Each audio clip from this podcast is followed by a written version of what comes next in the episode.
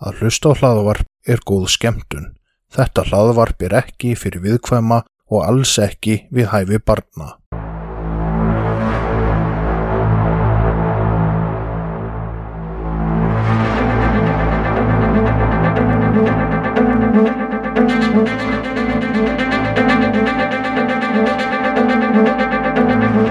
Þetta hlaðvarp er hluti af IK Network. Góða skemmtun. Góðan daginn og hjartalega velkomin í nýjan þátt Hæsa 5. Ég heiti Brynjar og er annar þátt af stjórnandin og á móti mér situr feguradrókningin hún Telma. Er það að ég er nývöknuð og greitt á náttúrunum? Mm, Já, kannski pínu. Ótilhöfð. Og lítur út eins og flugslís. En það er bara ég. Við getum ekki öll verið sköllótt og vakna með greiðslun okkar bara. Það getur grína mér út í sköllóttur. Ertu ekki að grína mér að því að ég er ófríð? Já. Eins og ég sagði Telma mér þegar við byrjuðum saman að, að útlitið og fegurinn var ekki kross sem að þú þurftir að bera í okkar sambandi. En sko, þú sagði líka að gáfur væru ekki eitthvað sem ég þurfti að taka á mig í þessu sambandi. Nei, Mér finnst það reyndar alveg hafa verið á mína ábyrgð í okkar sambandi. það enda búið að snúast aðeins við frá því að við kynntumst. Snúast við, ég var alltaf verið jafn gáfuð, ég var ekkert gáfaðri allt í einu. Jú, maður er náttúrulega gáðari eftir því sem að lærir meira og les meira og Ég fræðist. veit meira. Já, já, þú veist meira heldur og hún gerði. Ég held ég að hann samt alltaf verið svolítið klárar en þú byrjum minn. Nei. Herðu, Telma, það er komið að e-verslun spurningunni og e-verslun er net, eða Facebook-verslun sem að selur afgeima og á tilbúið núna á 22.9 þannig endilega kíkið á það og, og kaupið Þú nærði þessu aldrei. Nú, Þessi silur rafgema. já, Hvernig rafgema? í vespur. Það vantaði. Já, en þá bara kíkið fólku á hvernig afgeima það er. Það stendur alveg sort á hvítu þar að þetta er fyrir vespur. Já, en þetta er þess að batteri eða raflur í rammasvæspur sem að er hægt að fá hjá Efislaun á 22.900 sem er fárunlega gott verð og Efislaun er hægt að finna á Facebook. Þetta er nokkulega það sem ég saði fyrir utan að þetta var í vespur. Já, ég ætlaði bara að einfalda þetta. Mm. En þeir vildu einfaldlega vita hvort að þú tryðir á líf eftir þetta líf. Já. Vá. Um, svona, Guð kom að sækja mig í gröfina og, nei, Jésu eða eitthvað svona, það. Er bara að trúra á líf eftir þetta líf. Mm, ég, ok, það er, sko, ég trúði því alltaf, en vísindalega staðrindir benda alveg til þess að því að eftir að sem að læri meir um heilan, þá veit ég ekki hvort það er einhver sál, sko, ég séum bara heila og slöknar á heilanum, þá náttúrulega er ekkert eftir. Já, Þannig ég veit, ég, veist, ég veit það ekki. Nei, segjum bara, segjum bara, ég trú á einhverja endur nýjun, ég verð alltaf að mold. ok, ok, ok. Að moldu ertu komin og moldum ver, myndu aftur verða. Mm, Já, nei, nei, nei, ekki þannig. Nei, bara, ok. Þú veist, rótnin, mold, circle of life, eitthvað. Já. It's the circle of life. Erstu að tala um það? Nei. Ok. Herðu, a, en þú? ég? Já. Mm, Ég veit það ekki. Þetta er svo stór spurning. Mjög heimsbyggileg spurning hjá þeim. Um, hvað tekur við eftir þetta líf er erfitt að vita. No shit, Sherlock. Um, það er eitthvað, segjum það bara. Þessi eitthvað, Já, en hvað það verður veit nú engin. allavega mold. Já, Eða aska. já. Eða, Ok. já. Herðu, ætlaði þú að fara í eitthvað vandamál? Vandamál. Já, Nei, tristi mér ekki alveg til að takast á öll í vandamál í dag. ok. En viltu þá fara í sakamál? Ok. Ok, ég er að reyna svona hljóðlega að benda þér á að þú veist að það gera læti með þessu dótiðinu. En það heyrist ekki í upptökunni. Það ekki. Nei, En hvað er Gústi? uh, hann er upp í hillu. Já, hverju fær Gústi ekki vera með þetta? Af því að ég var bara með þetta í vasanum. Jæja. Herðu, já, við ætlum að tala um hvarfið á Stephen Kosher. Þú er komin í kvarfafíling. Herðu, Já, ekki bara ég, það verðist bara vera að fólk sé bara rosalega ánægt og spennt fyrir ykkur svona mannskurum þessa dagana. Við erum að fá rosa gott feedback á það, þannig að, og nóga til af þeim og mér finnst það spennandi, þannig okkur ekki. Ok. Heldur að málið þegar þú hverfur að það verði líka vinsalt og spennilegandi? Næ, að því þú ert búin að segja öllum að þú ætlar að drepa mig og þú ert búin að segja öllum, mér er að segja hvernig, ég er alveg búin að segja fólki hvernig þú varst búin að plana að losa þig við líkið og eitthvað, þannig að það verður lengi ráðgátt að þú hefði þurft að halda kjafti yfir þessu. Já, en ég get alveg talað um það, það verður ekkert. It will be no Ertu remains. Svo, ertu svo viss? Já, Ok, en ertu búin að pæla í því af hverju við fengum okkur akrílbaðkar? Mm, nei, Nei, ertu búin að pæla í því hvernig fljóðandi köpnunarefn og allt þetta sem ætlar að nota til að losa þig við mig í baðkarinu hefur áhrif á akríl? nei, Nei. en ég náttúrulega myndaði það á skoðin þegar við áttum stálbaðkar, en ég get Mhm. bara tekkað á okkur hótelherbergi eða eitthvað þar sem er stálbaðkar eða eitthvað. Já, ekkert mál, ég sést að mynda við lappa inn og ég lappa aldrei út aftur, það er ekkert grunnsalegt. Eh, Þú hoppaður út um gluggan. Ok, binni, Mm. Það eftir að taka svona kortir að leysa þetta mannskvarf. Nei, Jú, nei, þetta er umurðað plan. það er byrjað á þessum mannskvarfi. Ok, Þú ert umlegt plan. Hvað ætlar að horfa á mig þá kallið degi? ég bara hugsi hvað allir. Stara mig niður hennar. Hérna, á ég að byrja á þessu máli. Já, byrjaðu, frú minn góð. Ok, en Stephen Kosser hvarf frá Henderson, Nevada þann 13. desember árið 2009 þá þrítugur að aldri en hann fættist árið 1979 í Amarillo, Texas. Stephen var næst elstur fimm batna fjölskylda hans var mjög virk í mormónakirkjunni. Hann útskrifaðist frá háskólanum í Utah árið 2002 með gráðu í samskiptum og starfaði um tíma sem bladamaður hjá Davis County Clipper þar sem faðir hans var framkvæmdastjóri. Árið 2007 fekk Stephen svo vinnu hjá Salt Lake Tribune. Þrátt fyrir að honum hafi líka starfið vel, þá var hann ekkit rosalega ánæður með að þetta var svona vaktavinnu starf. Hann fílaði það ekkit alveg. En eftir hann hætti hjá dagblæðinu flutti hann til St. George sem er 300 mílum sunnar. Það ber ekki öllum heimildum saman um hvort hann hafi hætt eða verið sagt upp störfum. Þess að sumstaðar stendur að honum hafi verið sagt upp og annars staðar talað um að hafi hætt út á því að honum hafi ekki líka vaktinnar.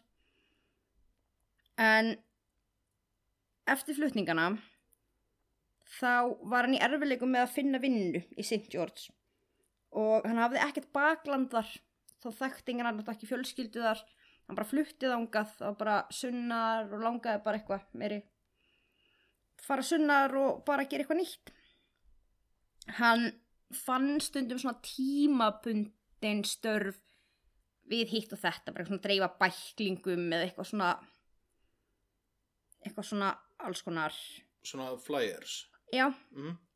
og já, þetta var bara svona kannski ráðinn í til að dreifa flyers þarna eða þú veist, þetta var bara eitthvað svona einstaka sinnum eitthvað sem hann gerði til að bara fá pening en snemma í desember 2009 ringdi leigusæli Stevens í fóreldra hans því Steven hafði ekki greitt neina leigu í þrjá mánuði og var hættur að svara leigusælanum í síman Ok. Þann 9. desember talaði Steven lengi við sýsti sinni í síman og síðar sama dag hringdi pappans og sagði hann að þau hefðu lagt inn á hann pening til að retta húsalegunni. Steven reyttist yfir því að leigusalinn hefði verið að blanda fóruldrum hans í málið. Og ja, hann var bara eiginlega mjög reyður þegar pappas hringdi. En daginn eftir senda hann pappa sínum skilaboð og baðist afsökunar. Hann sagði hann að væri alltaf leið með hann en hann vildi bara sjá um hlutina sjálfur og bara sjá um sig upp á einn spýtur. Hann rætti einni við móðu sína þennan sama dag og sagði henni að hann ætlaði að koma heim um jólin. Þau gæti búist við honum 23. desember. Hann virtist hress og spenntur fyrir komandi fríi. Hann sagði móðu sinni að hann ætlaði einnig að mæta árlegt ættamót þeirra þann 27. desember en að hann myndi svo halda aftur til St. George eftir það. En þann 17. desember fengur Rolf og Diane Kosher símtal frá bílastæða eftirlitsmanni í Henderson, Nevada. Bíl Stevens hafi verið lagt á bílastæði í eftirlauna samfélagi í Henderson þann 13. desember. Eftir launa samfélagi. Já, þetta er svona retirement community, þetta er svona eldri borgara hverfi. Það sem að, æ, við erum með svona Íslandi, þú veist, svona eldri borgara blokkir, svona 60 plus eða, Já, já, já, æ, mér Og- þetta, þetta er bara svona lokað samfélag þetta er bara svona hverfi það sem er bara svona eldri borgara Ok, alveg sérstak hverfi fyrir það. já, þetta er bara eitthvað svona eldri lítið hverfi bara eins og alltaf sé ekki bara svona þjónustu íbúður og raðhús og eitthvað, þetta er eitthvað svona fyrir eldri borgara. Já, já, svona sa þeirra samfélag þarna eitthvað. Já, mér fannst sem bara alveg svona sérstak samfélag eldri borgara í Nevada. já, þetta er eitthvað þannig hverfi. Svona eins og það er eitthvað svona Íslandi líka eins og í selja hverfinu það er til dæmis í allir heimilinu Mm. það er svona, getur lappað svona götu sem er ekki fyrir bíla og það er svona fullt af litlum raðhúsum og eitthvað sem er svona svona eldri borgarar, þú veist, eiga getur kift eða leikt raðhús og ert með þinn eigin garð og allt svona nærsamt í svona svona svo lítið kommuna eða eitthvað. Ok, ég sé þetta alltaf fyrir mér þetta er svona eftirlega svona eins og þú veist, hverfið fyrir ofan enn einna ártúnsöða það sem að álakvislin er og það. Mm, Þa, það er svona svona svo lítið hverf, þú veist. Já, já, ég sé þetta fyrir mér svona þannig, skilur það er lítill grunnskóli, leikskóli og það er svona, heitir ártún okay, hverfið, mhm, ég sé þetta fyrir mér sem eitthvað svona ártún af eldri borgurum. Já. Það má náttúrulega líka rugla færa rauk fyrir því að húsbílafélagi sé hálfpartin svona kommuna eldri borgara á húsbílunum sínum. já, það, það getur verið svona eftirlauna samfélag á farandfæti Já, já, já, nákvæmlega. og gefur það sem ekki vita þá eru eigum við bæði fóreldra í húsbílafélaginu þannig að það er djókurinn En þetta er djók en samt ekki djók. því að þetta er þannig. en, en nú er bróðiðinn í húsbílafélaginu Já, hann er, hann er ekki mikið eldri en þú en eh, mikið, herru, fyrir ekki, en bara eftir í næsta mánuði verður hann eitt hálfpartin orðið löggilt ellim menni, sko. Færtur, Já, ok en í sumar, þegar þú varst að tala um að skráða í húsbílafélagið, Mhm. var það þá bara þú var skafað allir aldur frá nei, það er bara út af því að það þarf aðeins að yngi á hrista upp í þessu félagi. já, ætlaði að draga meðalaldurinn niður um Um 10 40 ára eða eitthvað. eitthvað. ok en hérna já, það sem sagt er haft samband við fóreldrans að því að bíllinn hans sem sagt hafði bara verið lagt þarna. Og skilin eftir. Þannig að hún hefði verið lagt í bílastæði í þessu eftirlöðinu samfélagi þann 13. desember en þetta er sem sagt sko staðsetningin á þessu er suðaustur af Las Vegas og þetta er svona 240 km fjallað frá heimili Stevens. Ok, og bílum var talin yfirgefin þar sem enginn hefði sótt bílinn og var búin að standa þær í fjóra daga. Reyndaði verið að ná sambandi við Steven í tvo daga án árangus og var þá haft sambandi við fóreldrar hans í þeirri von um að þau getur vita hvað hann væri. Þau, sko fóreldrar hans var bara mjög brugðið af því þau skildi ekkert af hverju var hann að skilja bílinn sinna eftir þarna 240 km frá því sem hann bjó og svona. Þegar að var fyrir að kanna málið og skoð, voru skoðaðar upptökur og eftirlitsmyndavela það voru eftirlitsmyndavelarna sem síndu bíl Stevens aka fram hjá myndavelinni klukkan 11.45 sunnudaginn 13. desember en það sem að bílnum var lagt sko, hann sérst á myndavel keira fram hjá og svo sérst sko, hann fer úr mynd bara hann að hann að leggur inn í stæðið þannig að myndavelin nær bílnum a- næstu því að bílastæðinu en ekki alveg þegar hann er búið að leggja honum í stæðið. En klukkan 12 mátti sjá á myndavillinni að maður gekk úr áttinni þar sem bílnum var lagt. Og virtist halda á einhverju hugsanlega möppuð einhverju í annari hendi. Og þegar hann gekk eftir gangstéttinni fyrir framann þetta hús þar sem myndavillin var þá var hann tekin upp á tveimur mismunandi öryggismyndavillum maðurinn fór yfir götuna á Evening Lights Road Vá, þetta er allt svona Evening Light Ó, ok, þetta er allt svona eitthvað eitthvað ævi kvöldið, allir samfélag. Já. En hann hjælt síðan áfram niður gangstéttina. Walk down evening light road. Já, evening lights out and they retire, hérna, wow. The retirement Já, community. retirement community, wow. En ok, hann sérst þannig að fara yfir þessa götu og halda síðan áfram niður gangstéttina þanga til hann hverfur úr mynd. En maðurinn á myndinni var greinilega Stephen Kosher. Ok. Hann gekk frekar hratt og virtist vita hvert hann var að fara. Það virtist ekki verið neinu uppnámið eða nei. Það virtist bara svona ganga hratt og ákveðið og eins og hann vissi nákvæmlega hvert hann var að labba. En það sást sem sagt greinilega að hann hafði verið sá síðasta sem kerði bílinn og veist, það var ekki að ræða um að ræða að bílum verið stólið eða neitt svoleiðis. En Stephen sást svo ekkert aftur á neinum upptökum. Og ekki var vitað af hverju hann hefði verið stattur aðna. Stephen var trúaður mormóni, hann korki drakk, nýja stundaði fjáráttu spil, hann reykti ekki hins sinni, sem að gera það verkum að Vegas virðist alveg vera mjög ólíklegur áfangastæður, þú veist, það er mjög ólíklegt að hann ætla bara að skella sér til Vegas, akkur ætla hann að fara þangað. Mm, kannski var hann að fara á strípibúlu. Já, kannski. Og þá myndu bandaríkjaman segja, en hann var svo trúaður, að því trúa fólk ekki. En, en, en kannski var hann með hérna rosalega mikinn áhuga á leddljósum. Og við aftur fyrir að tala um pappaðin eða? Nei, Nei, ok. Vá, hvað pappi þinn þurfti að fara til Vegas og skoða ljósin. já, hann kem aldrei aftur. Svona, bara tínast í ljósunum eitthvað neginn. Ég sá ljósið og kom aldrei aftur tilbaka. Já, kannski fór Stífin að skoða ljósin, það getur verið. Mm. En það var allavega þótt eitthvað svona ólíklegt að hann hefði verið að skella sér til Vegas.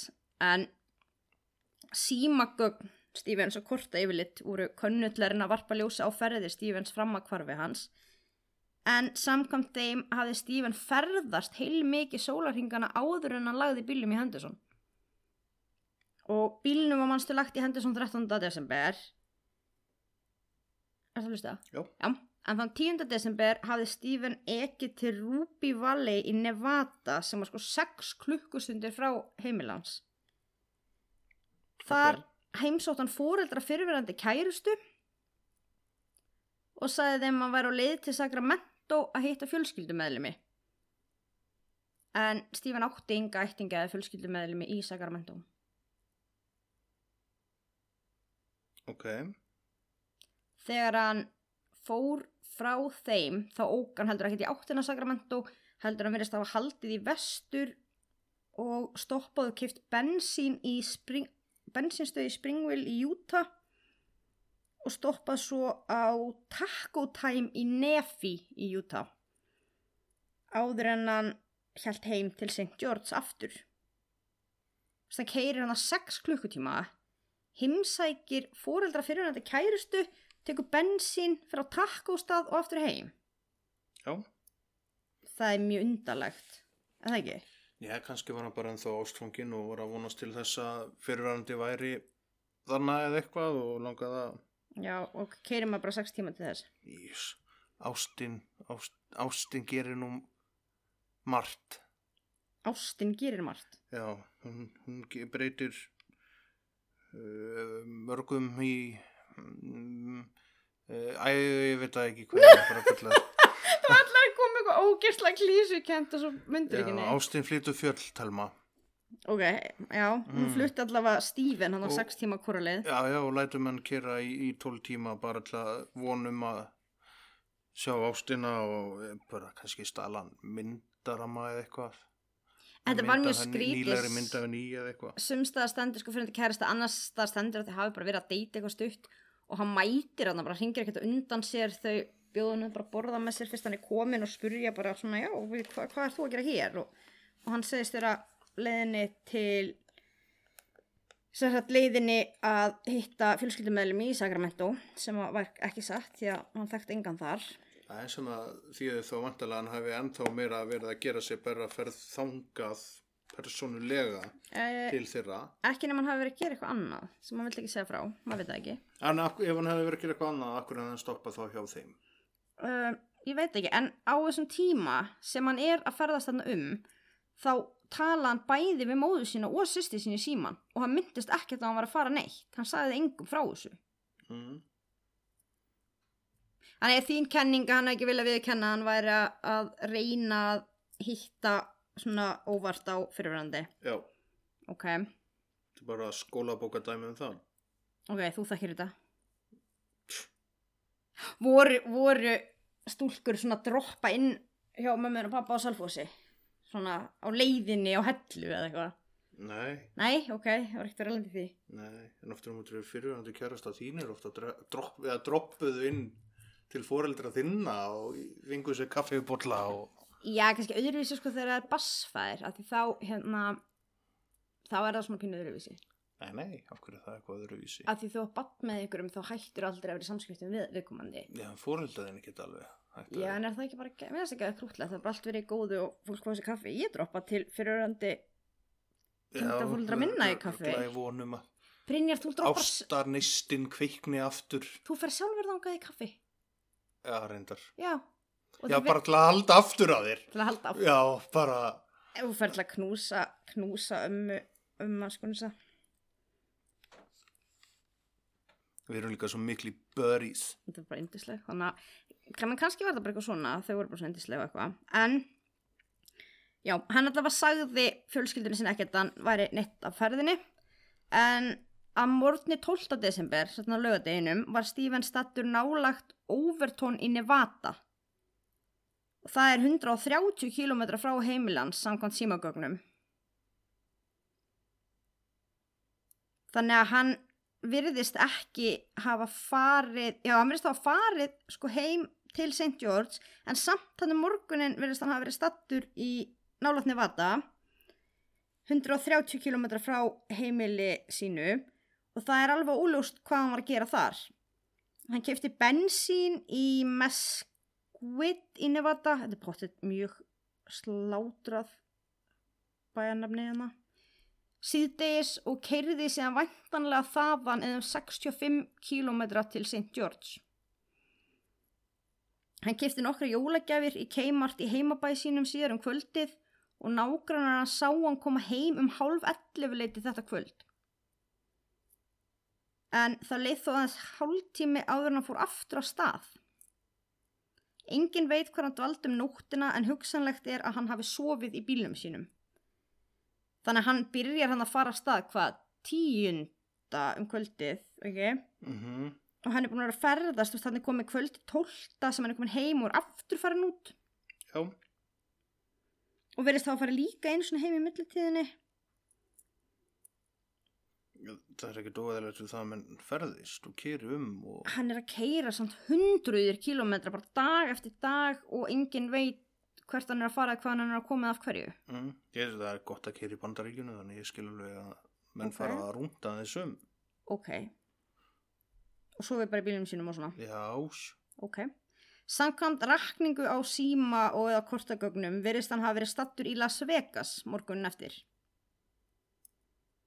En Stephen rætti við tvo ólíka kirkjumeðli með sunnudaginn 13. desember en fórseti deildarinnar sem, hann tilherði þannig í mormónakirkjunni á staðnum ringdi í hann um nýjuleitiði morgunin til að aðtók hvort að hann geti mögulega leitt fund klukkan 11.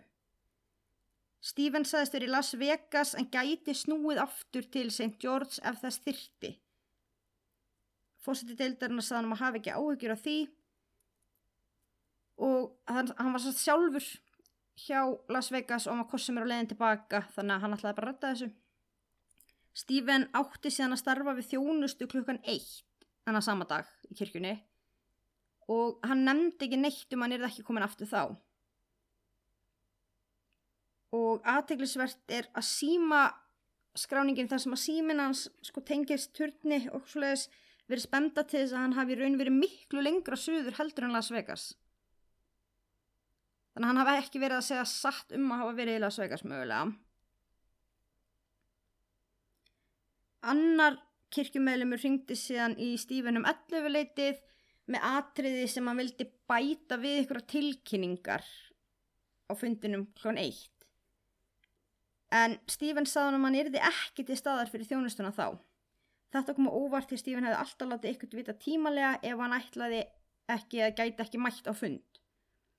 Þetta símtal var síðasta staðfesta símtali við Stephen en ekki síðasta skipti sem var notaður.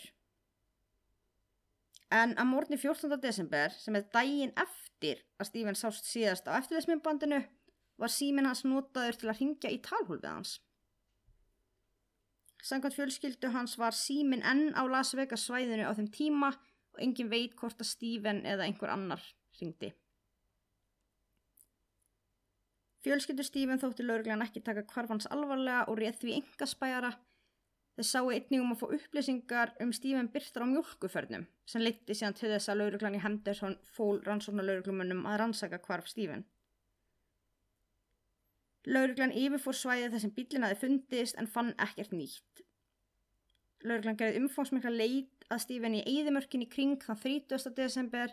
Þrjár mismunandi laurugludildir tóku þáttnótuð jæppa, leitar, hunda og þyrlur til að fara yfir stúrtum mikið Eidimörkusvæði í kringum Henderson Sjálfbóðilega fórum melli húsa, töluði við íbú og drefði miðum.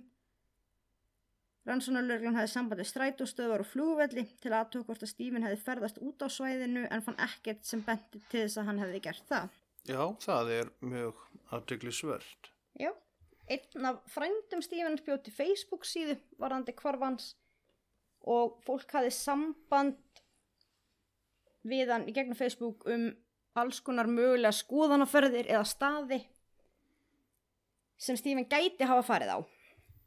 En fjölskyldan fór svona í gegnum þetta og fylgdi eftir því sem svona þótti sennilegt. Hann hefði mögulega geta farið gangandi á hinna þessa staði en engin af þessum vísbendingum liti til þess að Stephen eða neinar vísbendingar hefði fundist.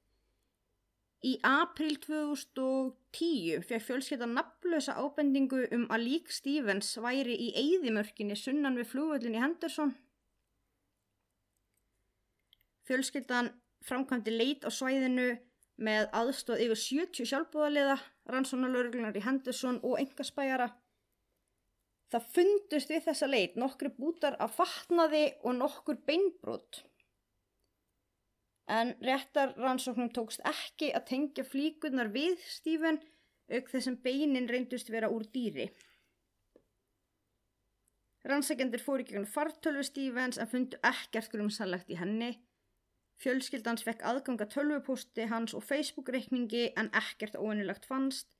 Tölvupóstreikningur hans var að mestu fylltur af svörum við starfsumsóknum og hann hafði ekki mikla viðveru á samfélagsmiðlum.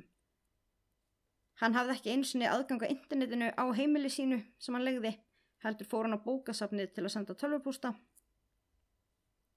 Það var ekkert sem bendi til þess að hann hefði nokkuð tíma að nota internetið til að hitta fólk. Rannsónalörglann skoðaði dagbókafæslur sem skrifar voru skömmu áður að Stífan kvarf og fann ekkert aðtóðavert. Hann virtist að hafa haft jákvætt viðhorf og engan hátt verið í sjálfsvíkshugleðingum. Hann hafði áhyggjur á því að finna vinnu en þetta var tímabundið ástand. Biskupinn í kirkju hans hafi gefið til kynna að hann myndi hafa starfa opnun í janúar og að hann hefði nokkurt veginn tryggt Stíven stöðu. Ítali skoðun á símaskögnum Stíven síndi hann að ekki hringt óvenjulega símtöl að hann hvarf og ekkert benti til þess að hann hefði verið að tala við neitt nýjan eða kynstinu nýjum. Aðeins eitt símtal hafði borist í númer sem enginn kannadist við en þegar laurugla ringdi í númeri og kannaði máli kom í ljós að það tengdist ekki hverfunu. En á meðan Stephen var að dreifa dreifimiðum í St. George þann 12. desember hafði hann reykist á tvær stúlkur sem voru lestar úti og þeim að nota símansen til að ringja í múðu sína. En hann hefur þó greinlega verið að dreifa sem sagt flæjurum þarna á lögadeginum í St. George. Já. Þannig að það kannski skýrir akkur að hann fyrir heim og fyrir aftur á stað. Já. Já, þú veist, ykkur leiti kannski, allavega sínir hann að verið, það er ekki bara nákvæmlega sem sá hann. Uh -huh. En ánýra vísbendinga gerðist í rauninni ekkert meira í rannsókninni á þessum tíma. Ári eftir að Stephen hvarf var fjölskyldans engu nærum hvað þið gerst, öllum ábendingum hafður fyllt eftir og enginn þeirra leiti neitt líkt í ljós. Áhugin á málinu dó smá saman, fjölmiðlar töluðu minna um það og allt svoleiðis eins og gerist. En máli var samt ennþá opið á borði lauruglu. Fjölskyldan ferðaðist oft til Henderson svæðisins og bauð 10.000 dólar af velun fyrir upplýsingar sem myndi leiða til þess að Stephen fyndist. Árin liðu á nokkura hreyfingar í málinu og í mæ árið 2015 hlustaði nú, þetta er geggjuþýðing. Í mæ 2015 var þetta rauða rockleit og björgun viðriðin málið. Ha? Rauða? Rauða rockleit og björgun. Ok. Þetta er, þetta er ekki eins og þýðing frá mér, en hérna Red Rock Rescue, þetta heiti, þetta er hérna bara svona uh, samtök, veist, Mm. svona hjálparsamtök. En þeir skipulöðu leit í hæðunum fyrir utan Henderson, sem ná, sko, þetta er 25 ferrkilometra svæði, cirka. En meðlimi samtakana töldu að Stephen hefði ferðast til Henderson svæðisins til að fremja sjálfsvík og hann hefði farið upp á herra svæði til þess. Þannig fóru leitan í hæðunum kring. Þó að fjölskyldan væri ekki endilega sammála sjálfsvíkshugmyndinni voru þau samt ána með að hópurinn ætlaði að framkvæma aðra leit. En því miður fannst ekkert tengt Stephen. Ok. Þannig að hann í rauninni bara leggur bílnum sínum í þessu aldrei borgara samfélagi þar sem hann þekkir engan meðan dag, þetta er hátinn og sunnudegi í bara dagspyrtu gengur í burtu og sest aldrei aftur. Og það er mikið búið að pæla í hvort hann ætlaði að svifta sér lífi en hann var samt með jólagjafinar tilbúnar í bílnum sínum. Er það ekki svolítið skrítið samt að byrja að kaupa jólagjafir og eitthvað, skilja þær eftir í bílnum? Já, og við erum búin að ákveða dagsetningu á að gera þetta. Að gera þetta? Kominu Uh, oft ef að þú náttúrulega ert að plana sjálfsvið þá ertu búin að ákveða fyrirfram dagsetningu og svoleiðis eða hvenar og, stað eða og stað og þannig. En það var náttúrulega skrítið þú ert búin að ákveða þarna eitthvað að vera að kaupa jólagjafir að hérna. Já. og kannski líka að þú ert að leita vinnum og eitthvað svoleiðis. Hann var búin að vera mikið að leta vinnu en ég meina, svo er hægt að deila um það hann hafi, þú veist, verið kannski að fara að náttúrulega kveði eða eitthvað. Fólk gerir það við stundum en okkur fór að þau ekki að kvatti sína fjölskyldu? Já, nákvæmlega. Og samkvæmt um dagbókum og svona þá verðist hann hafa verið mjög vongóður. Hann verðist ekki hafa verið Þungl, eða, þungur, já, já. nei, ekki samkvæmt dagbókafærslanum sínum. Ok, og maður er að halda dagbók ef þú ert að skrifa dagbók er þá ekki eini tilgangurinn að skrifa þínar einn hugsanir mm, jú, svolítið að losa við það sem er í hausnum. Maður sér alltaf ekki fyrir sér einhversi mjög langt niðri og sér að skrifa jákvæðar hugsanir í dagbók. Nei, kæra dagbók. Já, allt er gott í dag. Já, Æ, já, nei, XOXO já, ég sé það ekki fyrir mér. Og að það var ein kenning sem var mikið búið að tala um að því að hann var að finna svona hann var að ráða sig í svona skrítin störf. Bara eitthvað svona peninginga og þanga fyrir að gera hitt og þetta. En hérna, það var einhver sem kom með að því að hann gengur í áttina að einhverju hverfi sem er viss svona frekar svona vá, ég finn ekki orðið. Svona skuggalegu hverfi. Mm sem er hann að vist eitthvað rétt hjá þessu aldrei borgar samfélagi og ein hugmyndin var uppi um að hann hefði ráðið sig til að sem sagt, afhenda svona foreclosure eða svona vá, þetta heitir hérna fjárnámstilkynningar eða upp og þú veist að það verið að að fólk var að missa húsin sín. Já, og þá er náttúrulega talað um að oft þeir sem eru í þannig það er oft frekar opnað að þú bankar og þeir heyra ekki bíl. Þeir leggja kannski bílunum svolítið frá og lappi til að afhenda og hann verðist það að vera með einhverja möppu og þá er kenningin svo að hann hafi bara hitt á eitthvað sem að hafi bara kálað honum að því hann var að vera þessi tíðindi. En sko þá hefði, það hlita að hafa komið fram þeir sem réðan í jobbið bara hei, ég er réðan hann gaur. Og ef að sá sem á húsi og okay, þú drepur þennan sendir þá ekki fyrirtæki bara annan? Jú, Eða, veist, og af hverju hefði það þá aldrei komið upp að fyrirtæki hefði bara eitthvað, herði, jú, ég reðan henni þetta og sá hann aldrei aftur. mhm. En mér, mér finnst það hæpinskýring. Já, uh, hún er það því að það hefði eitthvað náð að komast upp með það sko, bara eins og vart að lýsa. Já. Uh, Ég veit ekki með sjálfsíð, það er svo sem kannski aldrei hægt og yfirleitt er það þannig að fólk segir, þú veist, það er ekkert endilega sem bendir til þess og það er mjög erfitt að sjá einhver markjum hvort að fólk er, er að velta því fyrir sér, fólk felur það oft mjög vel. En samt finnst mér það einhvern veginn svo úr, veist, hann er, hann er ekki, hann er að kaupa jólegjafir, hann er búin að plana einhver dagsetningar að vera þarna á hinum staðnum. Þeir sem að eru mjög trúaðir eru líka sanga tölfræði ólíklegri til að setja þessi lífi. sko líka uh, það sem að lætum að pæla, nú er ég bara að nefna dæmi uh, svolítið eins og fólk sem að gengur út í sjó. Já. Það kannski fer á bílunum sínum að sjónum Mm. og það skilur í flestum tilfellum eftir debitkort eða eitthvað Mm þannig að vita í raun og veru hver var á bílnum bara til að, eða láta vita bara hver, hver var að fara eskiluru. Er það þannig? Það er til mjög mikið að dæmi um það að fólk Ok. skilur eftir eitthvað bara svona út af því að þeir verða að leita og þá er mér svona, á ok, þetta er sem sagt bílinn hans hérna hjá sjónum, ok. Já. Skilurðu, það er svona- En er það ekki yfirleitt að fletta upp númerinu?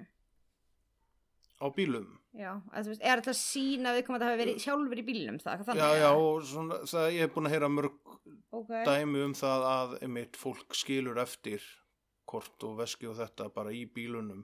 Já, ég meina akkur Það það sé er að svolítið- taka veskið með þér. Já, en, en líka svolítið bara örgulega til að vita hvar þið voru. Ég fattar þetta sé svona bara ég var hérna og ég var að fara. En Stífin er með síman sinn og kortið held ég greinlega fyrst að Mhm. þeir voru að rekja það og það hefði verið hringt í talhólfi hans og tala um, ok, ef ekki Stífin, hver þá? He, þú veist, hefði einhver verið bara eitthvað já, ég ætla að ringja henni í talhólfið hans eða er einhver, er einhver ástæð fyrir einhver annar að Stífin hefði hringt í talhólfið hans sko nema. Uh, það er þannig í mormónakirkjunni mm. að mormóna mega bara vera með mormónum. Þú má bara giftast þeim sem eru mormónatrúa líka. Já, en þetta er samt mismunandi, sko. Ég held að hann Mm. hafi ekki verið hann að LD en hann að Day Saint, þú veist, þannig að hafi ekki verið í svona stráng ofsatrúa, Uh þannig að maður veit aldrei, ég meina, Nei, nú erum maður bara hvort hann hafi kynst um, einhverju mannesku sem hann hefur fallið fyrir og og látið hverfa. látið sér hverfa. En akkur er hann þá ekki bara hægt í kirkjunni? Uh, menna það er náttúrulega í einhverjum af þessum sértrúasöfnum þú hættir að þá líka náttúrulega bara afneitar fjölskyldan þér. Kannski vildi hann gera þetta þá svona upp á að þau hefur ekki þólað afneitun foreldra og fjölskyldu. Já, þannig er bara ákveðið að láta þau þjást í þeirri trú að hann væri dauður. Ég, ég er bara að reyna að Já, já, mér, koma með bara einhverjar hugmyndir eða skýringu. já, já, jú, þetta er náttúrulega svona bara, þetta er bara, svo ótt að ég og það mátti ekki tala við fólk eða ekki lengur í kirkjunni. Já, nákvæmlega, þannig að kannski bara í staðin fyrir En er það þannig samt í venjulega mormónikirkjunni að því að núna er oft talað um að þetta svona að þú þurfir að slíta tengsl við þá sem eru ekki í samtökum og svona þetta er yfirleitt eitt af því sem er svona stert einkenni í svona kvölds að... þannig að En þetta var bara hugmynd, kannski var hann ekki búin Já. að hugsa úr, kannski var auðveldra fyrir hann þegar hann var að hugsa þetta að, einmitt að láta bara halda svona upp á að vera ekki að mm, bara eitthvað svekja sjálfum sig þannig að kannski bara gera þetta svona án þess að hugsa út í hvað, hafa, hvað áhrif það myndi hafa fyrir En foreldra og núna er hann alltaf í kirkjunni. George sem er langt frá heimilans mm þannig að húst, þá veltum maður fyrir sér okkur að flutti þá ekki bara eitthvað annan stað og varða ekki viðriðin kirkjuna þar. Þeir geta alltaf haldið utan um alla í öllum kirkjum allstaðar mm, veit það ekki. Eða samt fjölskyldur sinni míða eða eitthvað. Mér finnst alltaf að vera rosalega grimt ef maður gerði það og þau eru pappans þetta er látin núna. En og hann, þú veist, leitaði að honum bara alltaf hann dó. Mm, hann finnst það mjög grimt ef það væri þannig. Já, vissulega, en þetta var bara Já, þetta er mjög, loftið, sko. þetta er nefnilega þannig, þú veist, maður getur komið upp með hundrað pælingar, hvað varðum mann, en þær eru allar svo ólíklegar, samt einhvern veginn, en hann hverfur um hábjörnum þú veist, þetta er fáránlegt. Er, varstu með, ertu með ykkur svona sem að samsæri snöttararnir eru með kenningar um Mm, eða? Nei, það var í rauninni bara þessar kenningar svona sem ég fann að hann hefði söft sér lífi, hann hefði verið að, sem sagt, með svona útburðar tilkynningar eitthvað svoleiðis og einhver hefði reyðist. Hann var alveg ekkert annað. Það veit enginn af hverju hann var eða hvað hann var að gera og þessar stöðugu ferðir hans í marga daga áður var bara eitthvað sem var mjög ólíkt og enginn bara veit af hverju okkur hann hefði verið að gist í bílnum sínum og líka það, hann borgaði aldrei leiguna, hann tók aldrei peningana út á reikningnum sem fólður hann settu inn á reikningin Mm. þannig að maður velti fyrir sér, ok, úst, var hann bara eitthvað að forðast leigusalan? Og vildi ekki vera heima hjá sér. Já, minna, kannski hefur leigusalinn eitthvað með þetta að gera.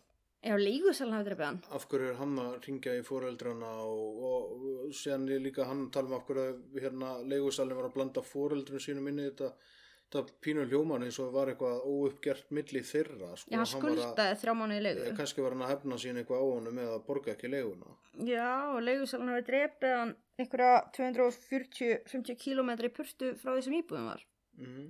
það er endar sniðut plani að hann alltaf að dreipa hann fá alltaf að hitta sig lengst í burtu sko. já, ok, þannig að nýjasta kenningi þín er að leigusalan hafi dreipið hann já en hvað var í þessari möppu? Það veit enginn. Nei, það gæti nefnilega eða skipt hvort rosalega. þetta var mappa. Hann hjælt á einhverju sem leit út eins og mappa. Mm. ég meina kannski er sjálfsmórsbrif í þessari möppu. Nei, maður veit Já, það maður ekki veit það ekki. heldur sko.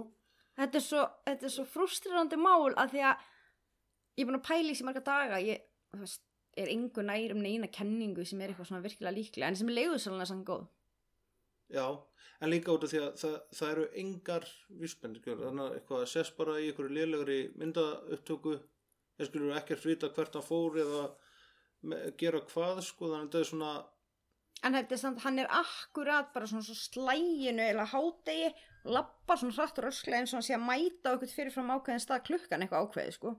Já, en, en samt fer hann bara hann úr mynd og, og enginn veit hvert það fór en ég var nefnilega að pæla ef hann var að gist í bílnum sínum að keira þetta allt og eitthvað hvort hann var að forðast leigusalan. Já, sko, en hérna en hann var komið pening til að borgunum en hann samt vildi ekki þykja hjálpina frá fóröldurum sínum. Já, greinilegt að hann vildi ekki láta leigusalan fá peninga. nei, en ef hann var að forðast leigusalan okkur fór hann þá ekki bara aðeins fyrir heim í jólafrí? Það voru hann að hvað, tíu dagar þá til hann alltaf bara komin heim í jólafrí? Já, nú veit ég ekki. það, þetta fár, og það var ekkert sem bendið til þess eins og í símanum hans, það var allt skoðað leigusalinn hlita þurfti að hafa samband við hann í gegnum tölvið að síma ef hann ætlaði að hitta hann Já, en það var ekki nefnt, það var ekkert óeðlilegt nefnt eða nýtt núm, ný númer eða Það eitthvað fannig. Nei, en þess vegna getur verið að leigusalinn hafi haft, eða skilur þeir hafi verið að ringja eða eitthvað sem að þeir hafi ekki stílað inn á eitthvað óeðlilegt út af það kannski alveg eðlilegt að leigusalinn hafi samband. en það er svona talin upp öll símtölin hann talaði við tvo meðlum á kirkjunni hann talaði við hann að mömmu svona þennan dag sýsti svona þennan dag, pappa sem þarna Mm og það kemur hverki fram að leigusalinn hafi náð í hann bara að pappan sagði ringt í hann sagst þá að tala við leigusalann -hmm. og hann hefði reyðist Já, þannig að en síðan vil maður gefa hérna skauðst inn þannig að uh, stoppaði hálftíma heima hjá sig, kannski náði leigusalinn að tala við hann þar. getur verið Já, ef að hefði þá að mundi tvær hendur á hundi. Þetta er svo skemmtilega þreyttur frasi. Nei, Ætlar, og ætlar ekki að koma með leiguselin hafi komið og virkað samtalið? Já, Nei, ætlar ekki að hendi það? Nei, Nei, ok. Takk fyrir það. Þú alltaf að brjóta mig niður. Nei, mér, mér bara finnst þessi frasi svo leðinlegur Hann er samt svo góður. Þegar þú ert búin að segja virkað samtalið Nei, ég er að tala um ef og hefði þá að mundi tvær hendur á hundi. Já, jú, jú, þú veist en það, þetta er svona, maður heyri það ekki svo ofta verður maður þreyttur á því Þegar maður heyri virkað samtalið átta sinnum í fimm minúta bílferð þá maður bara að horfa sig Þess bara getur ekki bara sagt og talaðir við hann Herðu, ertu með ykkur að fleiri í erminni með Nei. þetta mál? Ok, Þetta endar svona frústrandi þetta mál. ok. Eigum við þá að uh, kíkja á fréttahorn. Já, var hendi frétta hótt. Stúdíóstofa, nú verða sagða fréttir. Herði, já, við ætlum að halda þessu frétta hótt þema, eða ekki? Jó. Það var beðið um það að kosið um það á Instagram með þeim. Mm Ok, já, fólk er að fíla þetta betur en ég allavega greinlega. Já. Herðu, sko, í fréttum er það komið nýtt stórt svona trúkræmál. Nú, Já, var eiginlega bara að koma fram, bara um síðustu helgi eiginlega. En hinn 22 ára Gabi Petito er sem sagt horfin og hann er að leitað. ok. En hún var sem sagt að ferðast um bandaríkin með kærastanum sínum í van sem hún átti og þau lögða stað í júli frá New York og hafa verið að deila á sko, samfélagsmiðlum og YouTube ferðalæginu og það er að skoða á Instagram reikninginnar eila bara svona tímalínu hver hún hefur verið síðustu vikunar Mm. en þau ætluðu að fara í gegnum Colorado, Utah og Wyoming og enda í sagt, Yellowstone. En sko hún sagðist þá að hérna já, hún sagt, ætlaði að fara þangað en það eru sagt, einhver ásökunir um það núna einhverjar myndir hafa verið breyttar og eitthvað svona sem hafa verið byrtar en það er samt ekkert eitthvað, þú veist, staðfest um það en þau voru sem sagt að ferðast um og í svona fjallgöngum Ok.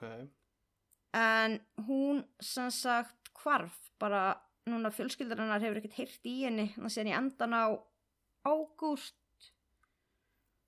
Og það er vitað að þau voru búin að vera í Yosemite. Þú manst hvað Yosemite er? Næ. Nei, ok, hérna, mannst ekki eftir hérna Yosemite morðunum? Steiner. Bróðir á Steven Steiner, Kerry Steiner. Já, já, já. mannst ekki eftir í máli? Jú, jú. Já, en hún sást þess að síðast 24. ágúst eftir hún yfirgaf hótel í Salt Lake City í Utah og mammena, nei hún hefði sendt þess að mömmu sinni skilabóð daginn eftir það en hún er ekkert vissum hvort það var hún einu sinni og það sem var að senda henni skilabóð þannig að það var enginn síðana síðan 24. ágúst og þegar það var farið að leita að henni þá let kærastinn hennar sig bara hverfa Já, ok. Já, hann heiti sett Brian Laundrie Og þannig að bara hún er uh, týnd en ekki, ekki hann, ekki hann, nei, ok. hann snýri tilbaka og hann let sig hverfa þetta er, þetta er pínu langt mál kannski til að fara alveg yfir í svona fréttahotni Mm. en hún er allavega í rauninni missing og það er, eru bara að koma sko ég skoða þetta mál fyrir nokkur dögum, þetta kom fyrst fram Já, en ég er ekki alveg með búin að fylgja eftir að það er að koma marga fréttir á dag um þetta. Ok. þannig að við kannski fylgjumst með og tökum smá líka recap í næsta þætti af Gabi Petito málunu Mm en svo eru það er frétt hérna sem að ég hérna fann sem ég langaði mikið að tala um. Þetta, þetta er eiginlega furðulegasta trúkræða mál sem ég hef fundið Já, en þetta er svo nýskið að Thomas Steeman var í síðustu viku dæmdi til tíu ára fangelsis en hann hafði ráðist á konu í fyrra og sprautað hana með sæði Hva, hvað hétt hann aftur? Thomas Steeman Steeman, Steeman the Seaman. Já, herðu, hann í álverðin réðist á konu sem heiti Katie Pierce sem var stödd í maturvastlun Mm. og sprautaði hana í rassin með sprautu sem innihjalt hans eigins sæði Ok. Það Og- bara svona eins og maður bara svona með nál og bara Já, svona. bara stakk náli rassin á hann og sprautaði inn sæðinu sínu Ok. og hann er náttúrulega brá og hún náttúrulega áttaði sig ekki alveg hvað gerðist Hjaltan hefði sko brent hana með síkarettu eða eitthvað Mm. og spurði hann eitthvað út í þetta ég veit ekki alveg hvað hann sagði en eftir að hún var síðan bara farin heim þá bara var hún svona að finna ógeðslega mikið til og, og fann að buksnar voru blöytar en þegar var farið að skoða þess að síðan upptökur og örgismyndaölum eftir hún að leita til lögreglu þá kom í ljós að já, það síndist að hvernig að reyðast á hana og kom í ljós að hann hefði verið að reyna að stinga aðrar konur líka, mér er að segja eina 17 ára gamla stúlku. Hvað ætli sé að? ég veit það nefnilega ekki. Og við leit lögreglu fannst sprauta í bíla Stephen nei, Thomas fyrir ekki ó, með skýjuðum svona einhvern veginn krukkuðum vögva Já, og önnur sprauta hafði líka fundist á baðherbyggja hans. En svo fundust líka margar tómar sprautur viðsvegar á heimilin hans. Ok. en þessi rannsók síndi setna að þetta var erða efni hans í, Mhm. í þessum vögva Já, þannig að já, þú veist, hún náttúrulega og, hún náttúrulega vissi heldur ekkert skilur, þú veist, var hann að reyna að smita hana bara HVV, var það róttu eitur þú veist, bara hvað er þetta? En hún var sett á sett líf til að koma í veg fyrir verusíkingar og hann fekk tíu ára fangelsi og hann þurfti líka að undirgangast geðrannsókn. Ok. En þú hann fer bara greinlega hana í ykkur maturverslun í þeim tilgangi að stinga konur með sprautu og sprauta þeir með sæðinu sínu. Hvað ætli sé að? Þa, þetta er undarlegasta sagamál sem ég hef heila hýrt um, sko. Ég, þú veist, já, og líka bara til hvers? Veist, hann hlýtur að hafa verið í einhvers konar geðrofi með einhverja ránghugmyndur um hvað þetta ætti að gera eða eitthvað. Hann var valla bara að runga mér hérna í sprautu og fara að sprauta fólk á hvað gerist. Já, Ég hef ekki trúið því. En það er annað svona mál líka sem er svolítið tengt þessu. ok. En það er ekki, það er, það er ekki saknæmt nema kannski bara, þú veist, svona tilnefning til darfinvelununa. En þetta tengir sæðusbrautunar málinu. Þannig að spurning hvort við erum að henda því með í fréttahotnið. Mm En það var uh, ónafngreindur kallmaður í Írlandi leitaði til læknisvagnar bakverkja en læknir sem tóku eftir því að hann var með bólgin og rauður á handlegnum en sem sagt maðurinn hafði sjálfur verið að reyna að lækna bakverkin og hafði sapnað upp sæði frá sjálfum sér. En sæðinu hafði verið að dæla í handlegin á sér síðustu átjón mánuðina Ok. hann hafði keft sprautun á netinu og byrjaði bara að sprauta sér hendina með eigin sæði. En bakverkinn hans hafðu ekki batnað. En hann var samt komið með, með síkingu og bólgur og alls konar vandamál í handlegin Telma, já, hvað ætli sé að? veit ekki. En veistu hvað, það átti sann sko að því hann hafði ekki alltaf hitt sko hann hafði stundum sprautakringli æðina og stundum í vö- vöðvan og hann Mhm. hafði ekki alltaf hitt sko þannig að það var uppsapnaður sæðisvögvi í vefnum fyrir utan æðina Já. en hann fór á spítalum og neitaði að lefa læknunum að fjarlæga uppsapnaða sæðið Ok. Jésús og það hefði vist ekki verið gerðar neinar, neinar rannsóknir á því í rauninni var haft eftir lækni að þú veist það hefur engin rannsakað eitthvað langtíma áhrif þess að dæla sænt í sig en Mhm. hann þáði síklarlif og eitthvað svoleiðis en, en að fjarlæga sæðið kom ekki til greina Ok. ég, veist, en með skilsand einhvers þar sá ég líka um það að, að einhverju setna hefði bakverkurinn lagast Já. en það var ekki, ekki talið vera orsaka samhengi þannig á milli Nei, nei, nei, ok. En hann fór ekki til læknis út af bólgu og syngi hendinni. Hann fór samt út af bakinu og hann að í átjá mánuði að sprauta sæði í hendina á sér. Og hvað ætli sé að?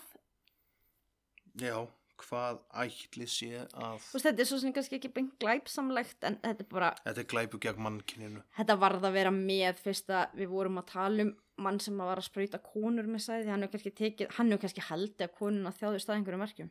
Já, kannski. Það að lækna tíðaverkið eða eitthvað.